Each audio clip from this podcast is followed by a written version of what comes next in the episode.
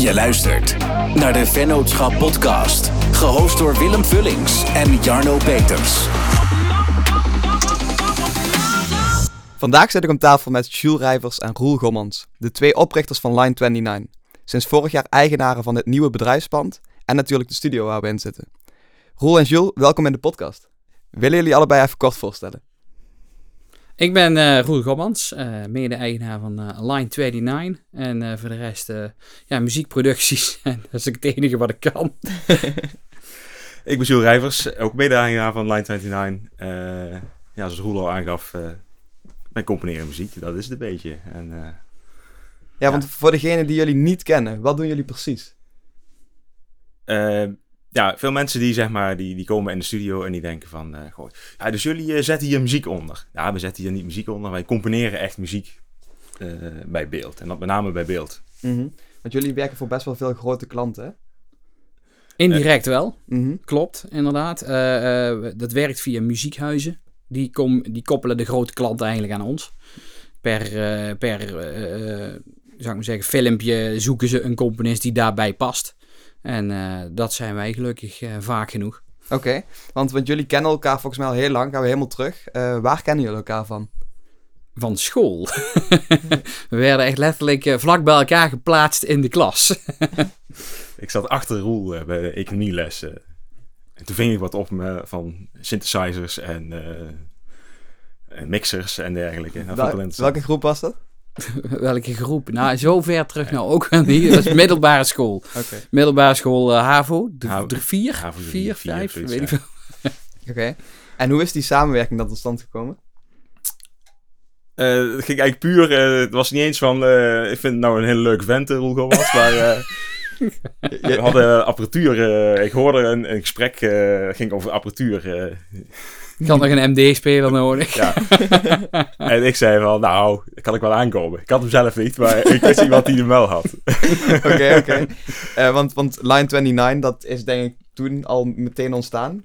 Of Nou, hoe- niet, niet meteen. We hebben heel lang, eh, zeg maar, vanaf ons 15, 16 jaar eh, een beetje zitten hobbyen eigenlijk. hè. Eh, Line 29, die naam, die hadden we toen nog niet verzonnen, maar die komt eigenlijk van de buslijn die ik eh, nam, zeg maar, om bij Roel te komen. Dat was de buslijn van Venlo naar Helmond, lijn Oké. 29, van de Zuidooster. Helaas gesneuveld. Eh, nee, maar destijds hadden we inderdaad bij, eh, bij Roel zijn ouders thuis in de speelkamer... ja, hadden we dan zeg maar, al die apparatuur bij elkaar gezet en aan elkaar geknoopt met allemaal afstandse mixers. En ja, zaten we... Ja, want hoe, hoe zag dat begin eruit? Wat, wat deden jullie toen? Eh, ja, wij, wij wilden natuurlijk... eh, we- toen, waren we, toen, dachten we nog echt dat we artiest waren. Dat we voor het podium geschapen waren. Maar ik kwam ook snel, vrij snel van terug. Maar nee, we maakten toen eh, we maakten breakbeats en eh, happy hardcore hebben we nog gemaakt. En eigenlijk alles wat er op dat moment in was. Dat moesten wij dan ook maken. Want ik heb, een- ik heb een gerucht gehoord dat jullie hebben ook iets te maken met een nummer wat er destijds uit is gekomen, toch? Daar hebben jullie toch eh, iets van gecomponeerd? er zijn wel meer, meer nummers uitgekomen, maar wat doe je ook? Ja, dat is ook één super bekend nummer. Daar hebben we het Eh, laatst over gehad. Eh, Progress, eh, die trance plaat. of Ja, volgens mij, volgens mij is Ja, dat, nou, ja. dat, dat, was onze eerste echt, eh, inderdaad, dat heette dan Jules en Raoul. Klinkt, klonk lekker exotisch. ja, dat was onze eerste top 40 eh, hit, ja. Ja, die heeft dan, die was een de, de, vijfde jaar Dance Smash geworden. En eh, dat soort dingen. En toen mochten, werden we dan ook geboekt als DJ-duo, maar ik kon er natuurlijk helemaal geen klap van. Dus eh, Jules die redde de set. En toen, kwamen we er al stiekem achter, maar dat podium, dan weet ik ook niet of dat wat voor ons is. Want, want, want waar stonden jullie toen, zeg maar, qua DJ's? Ja, maar van die, eh wat zijn we, de, kick, Ja. de Kickforce. Je moet dat je voorstellen, toen nog wel een beetje die, het discothekencircuit wat nou helemaal ingekakt is. eh, Mhm. Ja, daar stonden we dan voor een... eh, voor een eh, en nog een lekkere playback show gedaan op het Museumplein. ah, ja. Ja, dat was dan van 538, hadden we dan eh Museumplein. Een enorme eh, koning, Koninginnedag toen nog eh, event. En dan, dan mochten we dan ook dat liedje playbacken. Maar, maar hoe, lang, hoe lang duurde die periode dat jullie DJ waren? Nou, Jules was echt DJ. En ik was, ik was, ik was meer een studio. eh, ik had toen ook nog een popbeentje erbij. En we hebben de grote prijs van Nederland mee gewonnen toen ook nog. En dat is allemaal rond 2002, 3, 4. En toen is dat afgelopen. Dus het is eigenlijk een periode van eh, twee, twee, drie jaar geweest. Ja, en daarvoor dus echt hobbymatig. En Mhm. in 2000, vanaf 2001 of zo, 2001 tot en met 2004 is het wel, heeft wel een vlucht genomen. En vanaf Ja. 2004 zijn we voor, eh, voor, voor die reclame muziek gegaan. Ja. Want, eh, want hoe zag die transitie eruit? Ja, het was eigenlijk eh, eh, eh, wat Roel zegt. En, ehm, wij zaten toen allebei, eh, wij studeerden allebei. En we zijn allebei op hetzelfde moment ongeveer gestopt. 2003. Dropouts. Ja, dropouts, ja. En toen hebben we eigenlijk tegen elkaar gezegd van... eh, goh, ja, we doen dit voor de hobby en het is leuk. Maar zullen we gewoon eens kijken of we er gewoon geld mee kunnen verdienen. Mhm. En eh, we hebben onszelf een paar jaar gegeven. En eh, ja, eh, Hoe, hoe, hoe zag dat eruit? Hoe zag zo'n eerste opdracht eruit? Want audio branding is wel iets wat best wel een specialisatie is. zeker. Ja, het was toen... ehm, Ja, daar zit een hele korte voorgeschiedenis Ja, aan. ja, In die periode die we net noemden, moest natuurlijk geld verdiend worden. En dat deden we met apres-ski muziek. Mhm. Dus aan de ene kant zaten we Ben Kramer, eh, de clown, eh, voor de tienduizendste keer eh, te coveren. En van dat geld probeerden we te investeren in apparatuur en dat soort dingen. En het toeval wilde dat ehm, eh, de gitarist van het bandje waarin ik toen, spe- toen speelde, die liep stage bij onze huidige grootste klant. En die heeft ons daar toen geïntroduceerd. En zo is het balletje eigenlijk gaan rollen. En die, en die eerste klus, dat was toen... eh, ja, toen zaten ze dus met, eh, met handen in het haar. En ze hadden al van alles geprobeerd, maar ze kregen het gewoon niet zo zoals de klant het wilde. En toen, eh, toen zei die gitarist van... Nou, ik ken nog wel twee jongens. Misschien moet je die eens eh, wat laten maken. Gitarist is Steve Johnson. Ja. Even de credits geven. Ja, inderdaad. En, en is het zo dat jullie zelf ook, ehm, ook werk binnen moesten halen? Of, of hebben jullie altijd gewoon echt alleen hoeven te componeren? Ehm, ja, we hebben via die, via die klant inderdaad... Hebben wij, ehm, kregen wij heel veel opdrachten binnen. Mhm. En dat is ook iets wat wij dus ook graag wilden. We wilden gewoon eh, muziek maken en componeren en niet eh, lobbyen bij grote reclamebureaus. Want dan, ja, dan, ben je, dan kom je daar niet meer aan componeren toe. Dus, eh, en dat werkt ook eigenlijk wel goed. Daarvoor zijn die, die muziekbureaus natuurlijk ook gewoon, daar zijn ze ook goed in. Klanten binnenhalen en dan zorgen dat ze, ja, zorgen dat ze de goede componisten bij vinden. Mhm. En En he- hebben jullie, ehm, want jullie werken al sinds die tijd samen, hebben jullie een duidelijke taakverdeling? Nou, Hmm. ja, ik denk van, van oudsher wa- was ik meer eh, de compositiechaot. En Jules was, wel- was weer meer op technisch vlak eh, eh, heel wat scherper. dus, Mhm. dus en ja, en dat, de- uiteindelijk zitten we het nu allebei gewoon afzonderlijk van elkaar eh, te doen. Maar je leert natuurlijk wel van elkaar en je geeft elkaar wel tips. En eh, als Ja. Jules weer een nieuwe master setting heeft, dan... Ja, dit is wel fijn inderdaad. Van, goh, heb je... Want we werken natuurlijk al jarenlang in hetzelfde programma. En dan op een gegeven moment van... Hé, hey, ik heb dus wat... eh, Ik heb wat, wat nieuwe trucjes. Dat is wel handig. Moet je dat ook eens proberen? Oh ja, dat werkt wel handig. Ja, en dan zo, zo ben je toch eh, samen bezig. En zeker als je bijvoorbeeld langlopende projecten hebt. Is het gewoon heel fijn om af en toe even te zeggen van... Goh, ik, ik hoor het even niet meer. Kun jij deze even overpakken? Mhm. En dan... eh, Want is dat dan ook een bewuste keuze dat jullie afzonderlijk van elkaar werken om elkaar ook gewoon echt je eigen ding te laten doen? Ehm, ja, ja, op een gegeven moment eh, ja, eh, met z'n tweeën naar een scherm te gaan liggen turen en samen een kick te gaan liggen zoeken. Ja, het is economisch niet echt heel handig. en eh, ja, dat, dat, dat is ook niet meer leuk en dat hoeft ook niet. Maar je, je moet het inderdaad, de hele setup is toch een idee wat je in je hoofd hebt en dat wil je uitvoeren. En vervolgens, als, als, dat, eh, als dat goed eh, in, de, in, de, in de grondverf staat, dan ga je wel eens pingpongen van wat zou jij doen? Eh, eh, wat vind je ervan? Luister eens naar, pak het over zelfs. Maar voor de rest, ja, dat is echt wel zo gegroeid. Maar ik denk ook niet, niet meer dan logisch. Mhm. want, want jullie doen best wel veel mee aan pitchrondes voor grote merken. Ehm, kunnen jullie uitleggen hoe dat in, ja, hoe dat in zijn werk gaat? Ehm, ja, je krijgt echt, echt een. eh, je krijgt dan die film zonder muziek. Soms met eh, eh, een, een, een behoorlijke briefing waar ze naartoe willen met de muziek en met moodboards, et cetera. En ehm, ja, dan ga je daar gewoon op schieten en je ga- gaat gewoon proberen. Net als wat ik altijd doe, is ik ga kijken wie is de regisseur, wat heeft hij nog meer gemaakt, wat is zijn stijl. Eh, kijken waar ze vandaan komen. Eh, vorige campagnes eh, van oké, dat dus niet. Want anders gaan we een soort herhalingsoefening doen.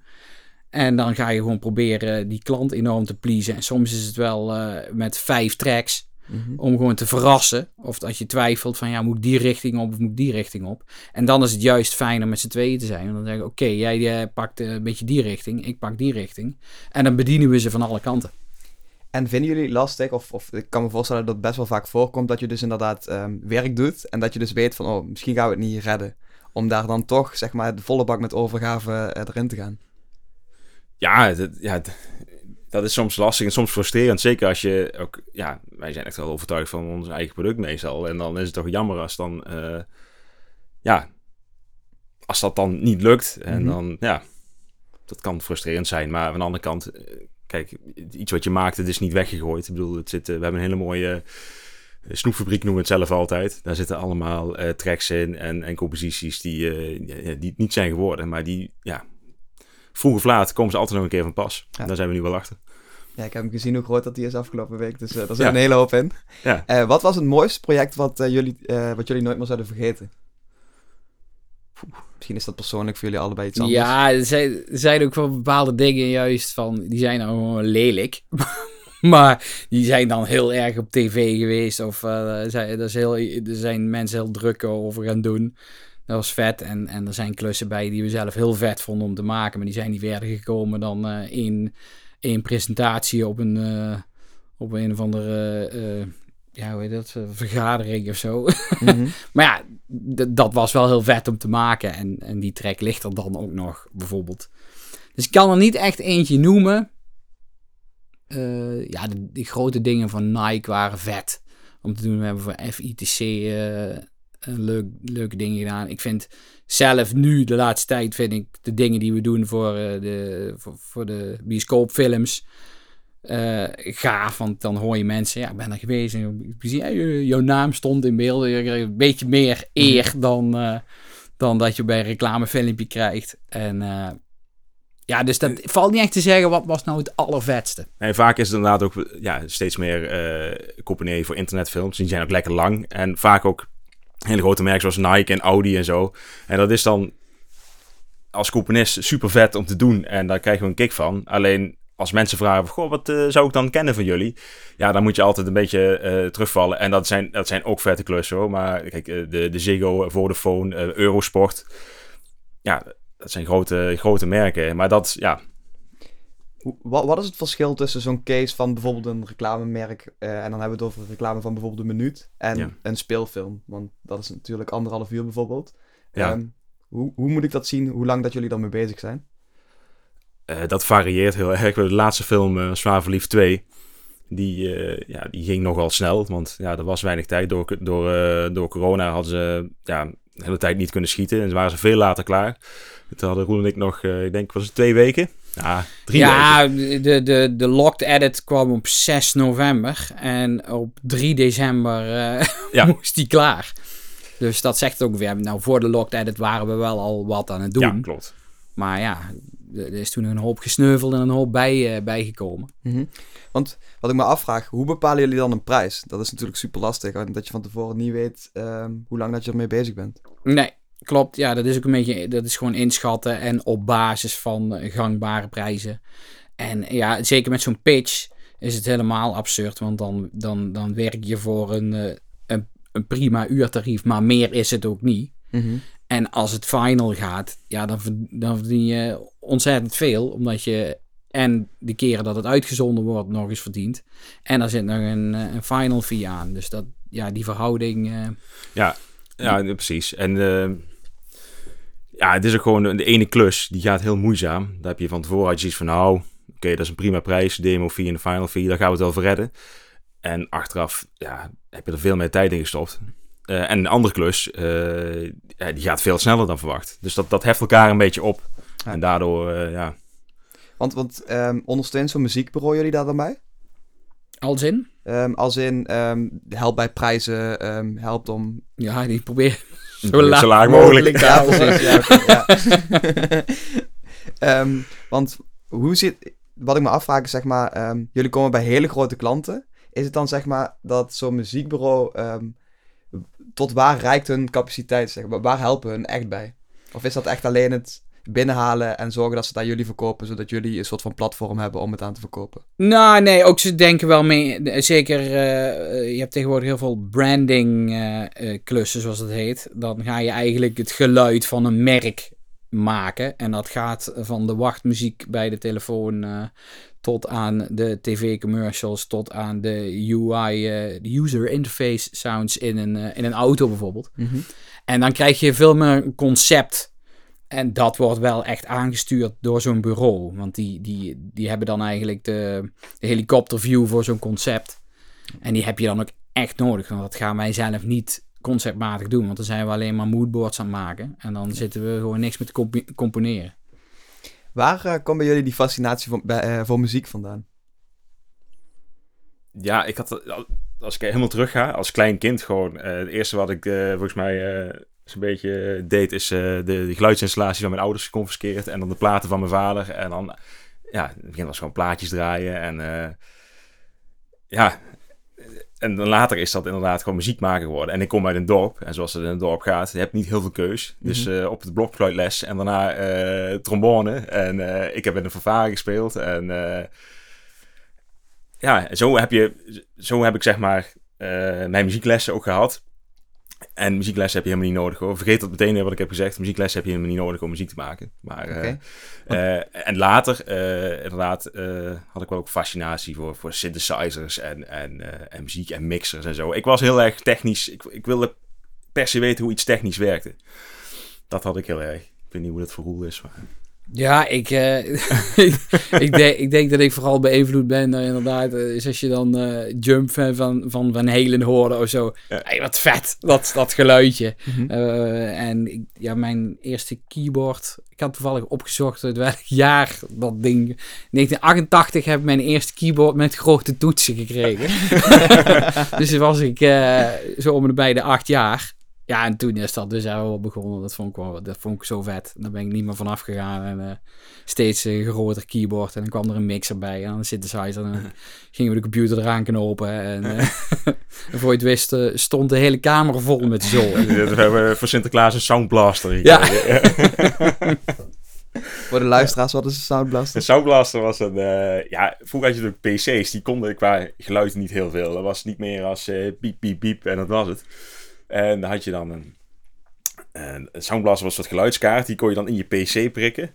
En dan eh, had je 8-bit geluid. Dat was nog steeds niet heel veel. Maar het was wel al beter. En er zat... eh, je had ook versies met een MIDI-interface. Nou, ik ga weer heel technisch worden. Ik zal het even heel kort... eh, kort uitleggen. Maar MIDI-interface, daar kon je dus allemaal keyboards mee aansturen. Dat is zeg maar een protocol die ervoor voor zorgt dat je keyboards kan bespelen. En aan, kan, kan koppelen aan de computer. Oké, oké. Nice. Hey, en toen kwam er een eh, eh, moment dat jullie gingen investeren in een bedrijfspand. Ja, nou ja. ja, wij hebben natuurlijk... eh, eh, jij, bedoel- jij doelde op het pand waarin wij nu zitten.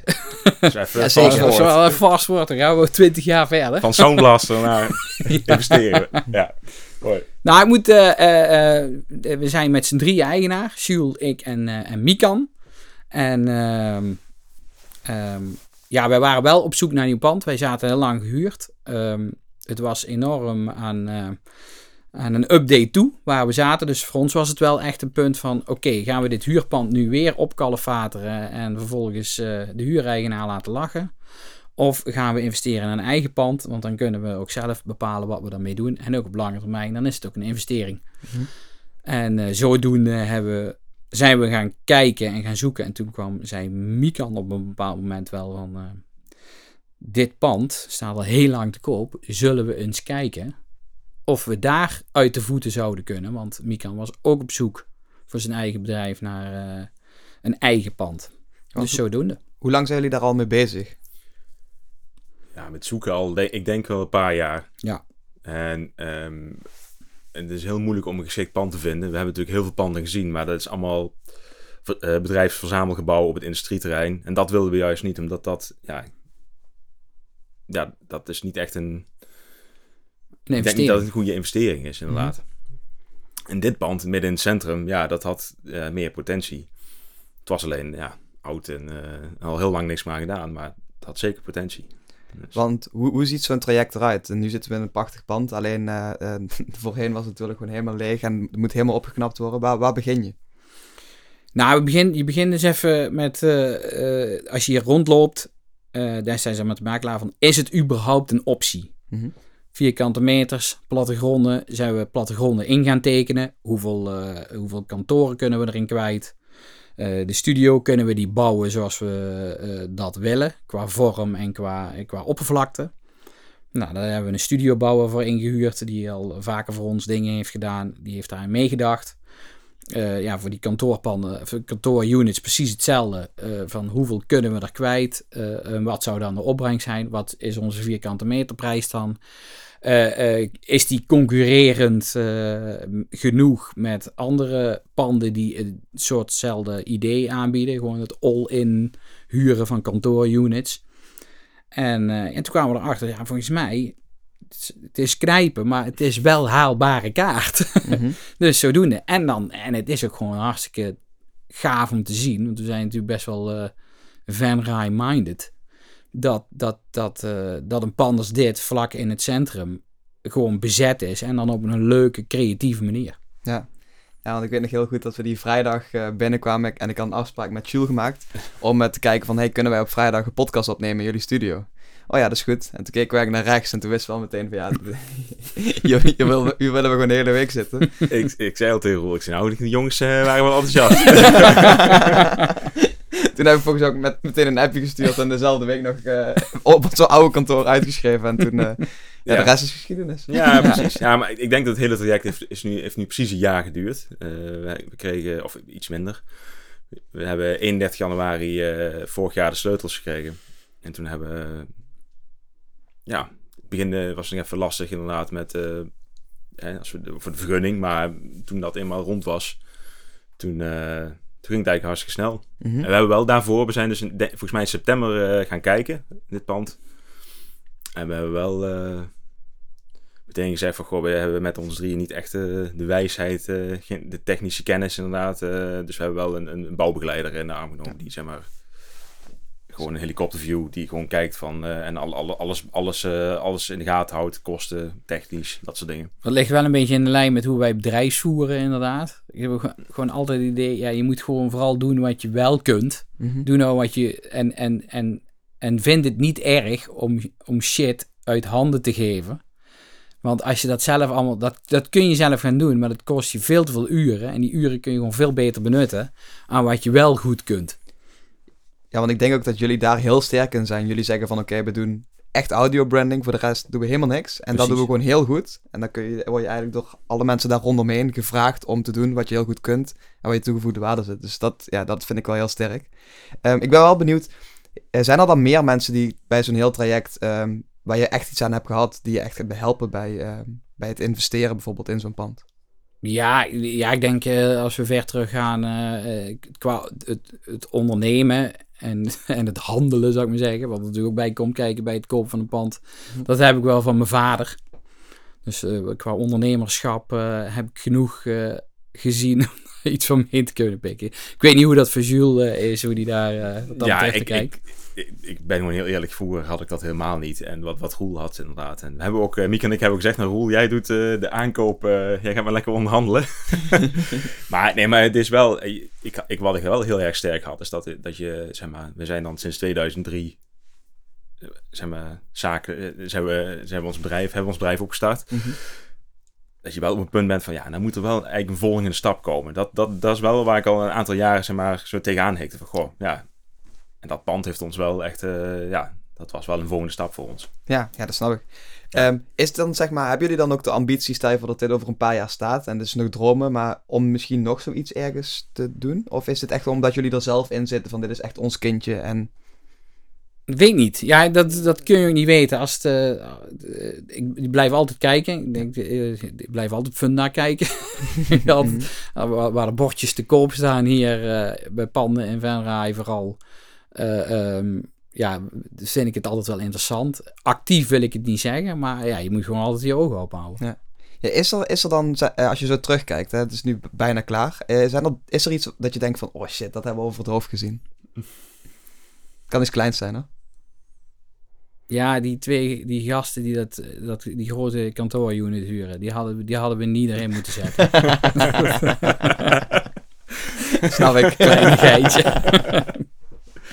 Nou, het is wel, je leert er echt superveel van. Als je, als we, hè, stel je zou het nog een keer doen, dan zijn er dus, ja, Dan zou ik de vloer anders... zo de vloer aan. Maar dat, dat is, voor ons was het natuurlijk ook allemaal nieuw, eh, Mhm, mhm. zo'n verbouwing. Ja. Of nieuw. Eh, privé het huis wel eens verbouwd, maar dit is even iets op grotere schaal. Ja. En ja, dat zal de volgende keer misschien iets uh, stroomlijnder eh, gaan zijn. Ooit, mocht het ooit, eh, mocht het ooit weer doen.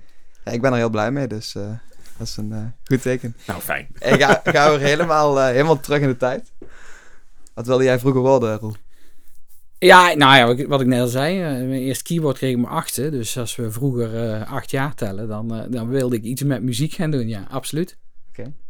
Ik wil elektricien worden.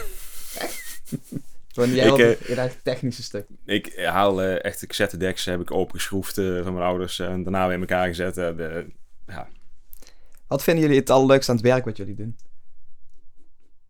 ja, voor mij het, gewoon de, de variatie. Het is geen, eh, geen, el, ja, geen elke opdracht is hetzelfde. Dus het is echt wel... eh, ja, de ene is leuker dan de andere, maar dat hoort erbij. Dat heeft iedereen, denk ik. Eh, Mhm. Ja, dat vind, dat vind ik wel echt leuk. En je komt op plekken waar je normaal niet zou komen. We hebben bijvoorbeeld ooit een, een stuk gecomponeerd. En dat is eh, uitgevoerd door het uh, Metropoolorkest. Nou, zijn we bij die opnames geweest. Dat soort dingen. Noem maar, dit is eventjes gewoon een, een willekeurig dingetje. Maar het is ook leuk om, eh, om erbij te zijn. Ja. Wel, welke persoon inspireert jou op dit moment? Ehm, ja, eh zet de laag in. Ja, ik deed, Hans Zimmer vind ik wel echt eh, de koning van de, van de muziek op dit moment. Eh, hoe hij ook eh, het aanvliegt. En ook als je hem ziet in interviews. Eh, ik zou zeggen voor iedereen die dat een beetje interessant vindt, kijk het op YouTube. Nee, ook hoe hij, eh, hij, hij, hij bekijkt muziek ook gewoon van, ja, als ik iets vet vind, dan doe ik het zo. En als ik 18 eh, eh, horens eh, naast elkaar wil hebben, kan me, niet, kan me niet verrekken of dat nou in een orkest standaard zit. Dan zet ik die langs elkaar. En als ik dat wil combineren met een obscuur synth, dan doe ik dat. Mhm. En dat, dat is denk ik ook wel dezelfde manier als hoe ik naar muziek kijk. Als ik drie drumlagen onder elkaar, dan ga ik niet liggen piepen van... ja, maar er zit al een kick in. Nee, gewoon doen. En als het vet klinkt, dan, dan klinkt het vet. Een beetje buiten de lijntjes kleuren. Ja, absoluut. En, en is het zo dat, dat naast personen bijvoorbeeld ook andere dingen, het klinkt een misschien een beetje zweverig, maar andere dingen je inspireert om muziek te maken of te combineren? Ja, beeld. Het beeld vaak. Mhm. Dus eh, is het dan zo dat je, eh, kan het ook zijn dat je bijvoorbeeld eh, buiten de studio gaat wandelen of iets gaat doen om heel even... eh, of, of werkt dat niet? Werkt dat gewoon echt letterlijk dat je het beeld ziet en dat je daaronder gewoon gaat tikken? Ja, het ligt eraan waarvoor je... Eh, waarvoor je natuurlijk, ik... eh, ehm, als je ergens gaat wandelen, dan, dan, dan, dan, dan komen er wel eens teksten binnen of zo, weet je wel. En die schrijf je dan op en die ga je gebruiken in, eh, tot en met carnavalsliedjes en toe, zou ik maar zeggen. Maar of ik nou echt, ik, ga, ik, kan, ik, ga, ik kan niet zeggen, nou, als ik naar dat bos ga, dan, eh, kom, dan voel ik me helemaal vrij, hoor. Nee, maar als jij, in bad, als jij in bad ligt, dan... Dan, dan schrijf ik wel veel, ja. Dat zou wel, eh, Gilles, waar ben je ehm, tot nu toe het meeste trots op? Goh, ja, dat is eh, Zakelijk gezien dan, hè? zakelijk gezien. Eh, ja, ik, ik vind gewoon... eh, eh, dat is even buiten de muziek om. Dit, dit pand, zeg maar, hoe het er nu staat, daar ben ik echt heel blij mee. En dat, dat voelt voor mij ook echt als een, een volgende stap. En ehm, ja, wat we en, en, en voor, de, ja, voor ons bedrijf Line 29, gewoon waar wij nu ja, staan, zeg maar, als Mhm. componisten. Ja. Ja, het klinkt heel algemeen, maar ik kan, ik kan even geen enkel voorbeeld noemen. Maar het is gewoon, eh, wat ik net ook al aangaf, wij zijn op plekken geweest waar we anders niet zouden zijn geweest. Ja. Ja, dat, ja daar ben ik wel trots op. Ehm, ik, het, het kan denk ik af en toe redelijk chaotisch zijn, maar hoe ziet voor jullie een optimale werkweek eruit? Nou, we beginnen met koffie. Maandagochtend. Ehm, de optimale werkweek, ja. Het is, Want jullie werken ook heel veel in de avonduren, denk ik. Hè? Of, of wanneer dat er iets... Ja, dat, Ja. Dat, dat zeg maar toen we begonnen hadden we dat heel vaak inderdaad. En dan hadden we ook... eh, toen hadden we nog heel erg als dan een klant eh, vroeg van... Goh, ja, de deadline is eigenlijk morgen einde dag. dan keken Roel en ik elkaar aan. Ja, je vraagt van ons een compleet nummer met, met tekst. En, en, ja, dan weet ik niet of we dat gaan halen. Dus dan... Ja, toen, toen werkten we best wel veel door tot in de nacht. En op een gegeven moment krijg je ook wel eh, de handigheid in. En dan weet je, oké, als een klant vraagt van... Goh, morgen einde dag moet ik iets hebben. Oh, dat gaat wel lukken. En dat is één ding, dat is gewoon ervaring. Maar dat is ook, ja, Is het ook zo dat jullie op het begin dan alles aangrepen van... hey, ehm, we gaan het meteen doen en dat je nu denkt van... hou eens even, daar hebben we wel minimaal drie of vier dagen voor nodig. Ja, dat, dat, dat doen we nu wel, inderdaad. Daar gingen we, daar gingen we vroeger en laag vaker de mis mee in. En dan zat je dus eh, bijna elke avond eh, te werken. Het kon toen nog wel, hè. toen hadden we nog geen, eh, geen kinderen en zo. Maar ja, kun je nu, eh, hoef ik nu thuis niet meer mee aan te komen. maar eh, ja, bijvoorbeeld zo'n, zo'n, de laatste film die we hebben gedaan... eh, waar we zo heel korte tijd voor hadden. Ja, dat is wel eventjes eh, twee weken dan... eh, Ja, toen die klaar was, zat ik eh, jankend met een biertje op de bank. Ja, want, want dat, dat was dan eh zwavelliefd, hè? Waar jullie, Ja, zwavel- ja. Mooi. Ehm, hoe zorgen jullie voor een optimaal energieniveau? Sporten jullie? Je zit natuurlijk super veel ja, stil in de studio. Ja, ik sport wel eh, regelmatig. Ik moet zeggen, de laatste tijd wat minder. Zo twee verbouwingen en zo eh, nu achter de rug. Dat is En ook nu, sport eigenlijk. Ja, het is ook sport. Dat is een ander soort sport. Ik krijg iets meer stress van. eh. Maar eh, nee, normaal sport ik wel. Maar eh, ja, niet fanatiek of zo. Het is echt wel eh, moeten. Dat is mijn goede voornemen voor dit jaar. Oké. Ehm, wat is jullie favoriete film of serie? Voor mij de favoriete film is nog steeds eh, The Big Lebowski. En eh, de favoriete film... eh, als je het hebt over muziek, dan is het Inception. Oké. Heel cliché eh, ondertussen. Maar eh, ja, dat vind ik erg vet. Ehm, ja, de film is Back to the Future. Maar dat is nostalgie. Heerlijk. En eh, ja, qua serie, ja, dat scheelt per wanneer, eh, wanneer je het me vraagt. Maar eh, Stranger Things vind ik fantastisch om te zien. Maar dat is natuurlijk ook een stuk nostalgie wat, wat daar verzorgt. Dus ja, dat is wat, wat, wat ik op dit moment te gek vind. Oké. Ik ben benieuwd waar jullie, over, waar jullie nu denken dat jullie over vijf jaar staan. Oh jee. Dat kan Ondernemen is vooruitzien, hè? Maar. Over vijf jaar. Nee, nee, dan, ja, dan hopen we gewoon een hele, hele mooie, vette klus te kunnen draaien. Eh, het enige wat, wat we voor de toekomst wel willen zien is kijken of we de studio ook voor externe kunnen gaan gebruiken. Eh, andere mensen die iets op willen nemen of die het willen leren. Dat we iets meer door kunnen gaan geven van, van wat wij al weten en wat andere mensen willen leren. Mhm. want, want hebben jullie dan bijvoorbeeld ook nog een, een droomklant of zo? Want jullie werken echt voor hele grote klanten, bijvoorbeeld Vodafone, eh Audi, eh, ja, noem ze maar op. Is er dan echt een klant dat jullie denken van dat is echt een stip op de horizon? Ja, ja, klant weet ik niet. Maar bijvoorbeeld die speelfilms, dat doen we eigenlijk nog maar een paar jaar. En we zitten nu voornamelijk in de romantische comedy eh, genre. Ja, het zou mij super vet lijken om eens ehm, een iets grotere film, zeg maar, in een ander genre te... Ja. Om, daar, om daar iets voor te componeren. Mhm. Dus, Is, eh, het, is, het dan ook, is het dan ook zo dat als je eh, als een ge- genre jou persoonlijk meer ligt, of zo, ik weet niet of jullie romantisch zi- zijn, maar ik kan me voorstellen dat dat wel inspeelt. Ja, zo. je moet, ja, je moet gewoon als, als componist voor als filmcomponist begin je gewoon echt helemaal onderaan. Je moet gewoon, eh, ja, je hebt daar denk ik niet zo heel veel over te zeggen. Nee, ja, en, En en, dit- en ja. de, lol, de lol zit hem erin. Kijk, of je het genre aanstaat of niet. Uiteindelijk, het is gewoon net als een puzzel maken. En het plaatje van die puzzel maakt niet uit. Die kick dat die puzzel klaar is, Ja. is net zo groot wat er dan ook op dat plaatje staat. Ja. En is die romantische eh, comedies zo. Het, het, eh, ik vind het wel ontzettend gaaf om te doen. En eh, er wordt nog hartstikke goed in geacteerd en zo. Dus het is echt geen schande om voor bepaalde scènes beetje die emotionele onderkant erin te Mhm. zeilen. Nee, dat bedoel ik ook niet. eh. Nee, nee, nee, maar meer het, echt het in, inleven, denk ik, toch? Gewoon in zo'n ja, in Ja, zo'n verhaal. Ja, ja, ja. dat, is, ja, dat lijkt me ook wel gaaf. En dan kan het, dan maakt het, ik snap wat je bedoelt, dat, dat het dan niet zoveel uitmaakt, want je leeft je juist in in dat Precies. verhaal. Oké, mooi. Hey, ik wil afsluiten met het spel Dilemma's. En ik ga jullie om de beurt, of ik ga eerst Jules eh, acht dilemma's voorleggen en daarna Roel. En eh, ik begin met dorp of stad. dorp, Ochtend of avond. ochtend, Bellen of appen. bellen, Specialist of generalist. specialist, Bier of wijn. bier, Gym of hardlopen. hardlopen. Camping of luxe hotel.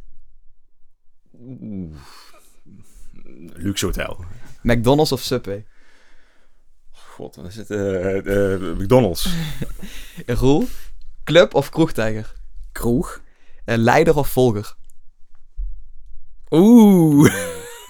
Jules, zeg jij eens? Je moet zelf antwoorden. Leider. Audi of Tesla? Eh, Audi. Radio of podcast? Podcast. Wandelen of fietsen? Wandelen. Wintersport of zonvakantie? Zon. Koffie of thee? Koffie. Spreken of luisteren? Spreken. Oké, dat was hem. hey, wat is, wat is jullie... Ik ben heel benieuwd naar jullie gouden tip voor de luisteraars. Misschien is dat samen, misschien allebei apart één. Ja, doe, doe Ja. gewoon vooral wat je, wat je weet dat je goed kunt doen. Ja. En focus daarop. En niet erg vinden om shit uit de handen te geven, waardoor jij beter kunt eh, doen wat je, wat je goed doet. Mooi, dat is denk ik ook de reden dat, eh, ja, dat Ja. jullie nu doen wat jullie doen en dat dat gewoon heel goed gaat. Dus eh dankjewel voor de aflevering. Ehm, ja, in onze Hey, jij ook wel podcast. bedankt dan. Ja, dat was hem. Ehm, ja, tot volgende week. eh. Bedankt voor het luisteren naar de Vennootschap podcast. En vergeet niet te abonneren op Spotify en Apple Podcasts.